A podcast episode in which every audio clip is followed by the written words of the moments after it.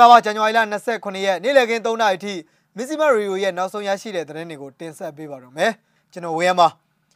ဖလန်းမြို့နယ်တိုက်ပွဲမှာစစ်ကောင်စီတပ်ဘက်က24ဦးသေဆုံးပါတယ်မြင်းမှုမှာတော့စစ်ကား2စီးမိုင်းဆွဲတိုက်ခိုက်ခံရပြီး3ဦးသေဆုံးကကားတစ်စီးပျက်စီးတယ်လို့သိရပါတယ်ခင်ဗျာ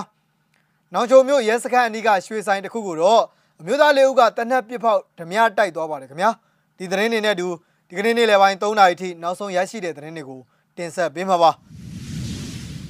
ပထမဆုံးအနေနဲ့တင်ဆက်ပေးခြင်းတဲ့သတင်းတစ်ပုဒ်ကတော့ချင်းပြည်နယ်ဖလန်းမြို့နယ်တဲကစစ်ကောင်စီတပ်နဲ့ချင်းတပ်မတော် CNF CNA ချင်းမျိုးသားကာကွယ်ရေးတပ် CNO CNDF တွေကြားကတိုက်ပွဲမှာစစ်ကောင်စီတပ်ဘက်က24ဦးသေဆုံးခဲ့တယ်လို့သိရပါတယ်။ဇန်နဝါရီလ25ရက်မှာစစ်ကောင်စီတပ်ကို CNDF နဲ့ CNA ပူးပေါင်းတပ်ဖွဲ့တွေကခုခံတိုက်ခိုက်ခဲ့ရမှာစစ်ကောင်စီတပ်ဘက်က4ဦးသေဆုံးပြီး9ဦးဒဏ်ရာရရှိခဲ့တယ်လို့ CNDF ကမင်းညက17နာရီခွဲကျော်မှာထုတ်ပြန်ထားပါတယ်။ ဖလန်းမြို့နယ်ဇောင်လဲကျေးရွာအနီးဇန်နဝါရီလ23ရက်ကစစ်တပ်ဘက်ကထိုးစစ်ဆင်လာရမှာ CNDF နဲ့ CNA ပူးပေါင်းတပ်ဖွဲ့တွေကတနေကုန်ခုခံပစ်ခတ်တိုက်ခိုက်ခဲ့ရမှာစစ်ကောင်စီတပ်ဘက်က73ဦးသေဆုံးပြီး17ဦးထိခိုက်ဒဏ်ရာရရှိခဲ့တယ်လို့သိရပါတယ်။ဇန်နဝါရီလ19ရက်နေ့ကလည်း CNDF တပ်ဖွဲ့ကထောင်ထားတဲ့တိုင်မိုင်းကိုစစ်ကောင်စီတပ်က3ကြိမ်နင်းမိရမှာ9ဦးသေဆုံးပြီး10ဦးဒဏ်ရာရရှိခဲ့ရာဗိုလ်ကြီးတယောက်ခြေထောက်နှစ်ဖက်ပြတ်ပြီးတော့ စစ်ကြောင်းမူမျက်လုံးကွဲထွက်သွားကြောင်းဆက်လက်ဖော်ပြထားပါတယ်ခင်ဗျာအဲ့ဒီတိုက်ပွဲတွေအတွင်းမှာတော့ CNDF ဘက်ကတအူးကြာဆုံးပြီးပူပေါင်းတပ်ဖွဲ့တွေဘက်က၄ဦးမစိုးရိမ်ရတဲ့ဒဏ်ရာတွေရရှိခဲ့တယ်လို့ဖော်ပြထားပါတယ်ခင်ဗျာ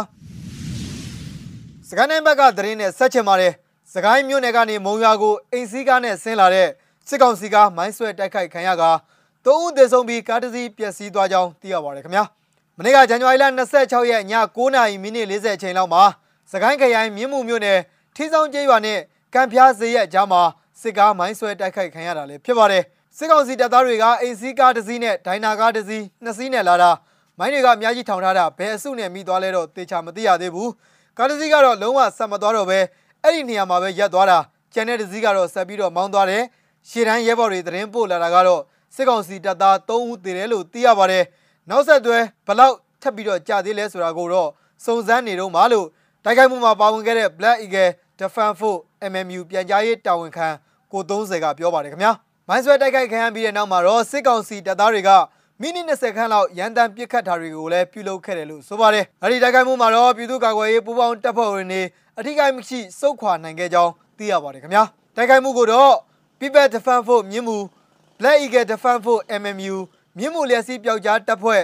မြင်းမူ Defense Force MMDF မြောင်မြို့နယ်ပြည်သူ့ကာကွယ်ရေးနဲ့လုံခြုံရေးအဖွဲ့ CDSOM အစရှိတဲ့မဟာမိတ်ပူးပေါင်းအဖွဲ့တွေကပူးပေါင်းပြီးတော့တိုက်ခိုက်ခဲ့တာလည်းဖြစ်ပါတယ်။နောက်ထပ်သတင်းတစ်ပုဒ်အနေနဲ့ရှမ်းပြည်နယ်မြောက်ပိုင်းနောင်ချိုမြို့နယ်ဗန်ဝေးကျေးရွာအမှတ်၄ရပ်ကွက်ရဲစခန်းအနီးမှာဖွင့်လှစ်ထားတဲ့ရွှေဆိုင်တစ်ခုမှာလူလက်ပိုင်းရွယ်မျိုးသား၄ဦးကတနက်ပစ်ဖောက်ပြီးလက်ဝဲရတနာတွေကိုဓမြတိုက်သွားတဲ့ဖြစ်စဉ်ဖြစ်ပွားခဲ့တယ်ပါတယ်ခင်ဗျာ။ပြီးခဲ့တဲ့ဇန်နဝါရီလ25ရက်နေ့နေ့လယ်ပိုင်း2နာရီခန့်အချိန်လောက်မှာဗန်ဘိုးရမှာရှိတဲ့ပြည်တော်စုလမ်းမဘေးမှာရှိတဲ့ ကျော်စောလင်းရွှေဆိုင်မှာဖြစ်ပွားခဲ့တာဖြစ်ပြီးအဲ့ဒီပြစ်ခတ်မှုမှာလူထိတာတော့မရှိခဲ့ပါဘူးခင်ဗျာအဲ့ဒီမြတ်တိုက်မှုဖြစ်ပွားခဲ့တဲ့ရွှေဆိုင်ဟာရဲစခန်းနဲ့မြတ်ဆောင်းထိုးနေရာမှာရှိနေတယ်လို့ဒေသခံတွေကပြောကြပါတယ်ဝစ်အဖြူရောင်တစ်စီးနဲ့ရောက်လာပြီးတော့အသက်20ဝန်းကျင်ခန့်အမျိုးသားကတနက်တစ်ချက်ပြစ်ဖောက်ပြီးမလှုပ်နဲ့ဆိုပြီးတော့နောက်ထပ်နှစ်ဦးကထပ်ပြီးတော့ရောက်လာတယ်ကျော်ဘိုးအိတ်အမဲနှစ်ခုတည်းကိုရွှေတယ်တွေထည့်သွားတယ်ရွှေစဲကြိုးလက်ကောက်ဟန်ချင်းဆွဲသီးတွေပါသွားတယ်လို့နောင်ချိုဒေသခံတူကပြောပါတယ်ခင်ဗျာ ပါသွားတဲ့ပစ္စည်းတွေကတော့လက်ကောက်59ခွင်းစကုတ်တစ်ခုဟန်ချင်း16ခုဆွဲကြိုး220ခုဆွဲသီး145ခုလောက်ပါသွားပြီးစုစုပေါင်းငွေကြက်တန်မိုးကိုတော့မသိရသေးပါဘူးခင်ဗျာအဲလိုဓမြတိုက်တာနောင်ချိုမှာပထမဆုံးဖြစ်ပွားခဲ့တာဖြစ်ပြီးဒီလူရဲမှုကြောင့်ဒေသခံတွေထိတ်လန့်နေကြပါတယ်စစ်ကောင်စီအာဏာသိမ်းပြီးတဲ့နောက်ရှမ်းပြည်နယ်မြောက်ပိုင်းမှာလူရဲမှုတွေနေ့စဉ်လိုလိုကြုံတွေ့နေရပြီးတပ်ဆိုင်ရာတာဝန်ရှိသူတွေဖြည့်ရှင်းမှုအားနည်းတာကိုဒေသခံတွေကဝေဖန်နေကြပါတယ်ခင်ဗျာ ဒီကနေ့နေ့လယ်ပိုင်းရဲ့နောက်ဆုံးသတင်းတစ်ပုဒ်အနေနဲ့စကိုင်းတိုင်းဒေသကြီးရင်းမာပင်မြို့နယ်မှာရှိတဲ့မြောက်ရမပြည်သူ့ကာကွယ်ရေးတပ်ဖွဲ့စစ်တင်နန်းစင်ပွဲကိုဇန်နဝါရီလ26ရက်နေ့ကတော်ရင်းတနေရာမှာပြုလုပ်ခဲ့တယ်လို့သိရပါတယ်။မြောက်ရမပြည်သူ့ကာကွယ်ရေးတပ်ဖွဲ့ကအမျိုးသမီးစစ်သည်တော်တွေအများပြားနဲ့အမျိုးသားစစ်သည်တော်အများပြားပါဝင်ခဲ့ကြပါတယ်။ကျွန်တော်တို့မြောက်ရမပြည်သူ့ကာကွယ်ရေးတပ်ဖွဲ့ရဲ့စစ်တင်နန်းစင်ပွဲကိုမနေ့ကပဲတော်ရင်းတနေရာမှာကျင်းပပြုလုပ်ခဲ့ပါတယ်။အဲ့ဒီစစ်တင်နန်းစင်ပွဲမှာဆိုရင်အမျိုးသမီးရဲဘော်တွေအများပြားပါဝင်ခဲ့တယ်။ စစ်တင်နန်းသားဥယေကတော့အမျိုးသားအမျိုးသမီးစုစုပေါင်း300ကျော်လောက်ရှိပါတယ်။မြောက်ရမပြည်သူ့ကာကွယ်တပ်ဖွဲ့အနေနဲ့ရင်းမပင်ခရိုင်တွင်းမှာရှိတဲ့တော်လိုင်းရေးရဲဘော်အဖွဲ့အချို့နဲ့မဟာမိတ်ပြုလုပ်ထားခဲ့တဲ့အဖွဲ့တစ်ခုလည်းဖြစ်ပါတယ်ခင်ဗျာမြန်မာခရိုင်တွင်းမှာရှိတဲ့တော်လိုင်းရဲဘော်တွေအဖွဲ့တွေနဲ့လက်တွဲညီညီစစ်ကောင်စီတပ်ဖွဲ့ဝင်တွေကိုရရလက်နက်ဆွဲကင်ကတိုက်ပွဲဝင်နေတဲ့အဖွဲ့တစ်ခုလည်းဖြစ်ပါတယ်ခင်ဗျာတင်နန်းစင်ပွဲရုပ်တံကိုလည်းကျွန်တော်တို့ကြည့်ရှုကြရအောင်ပါ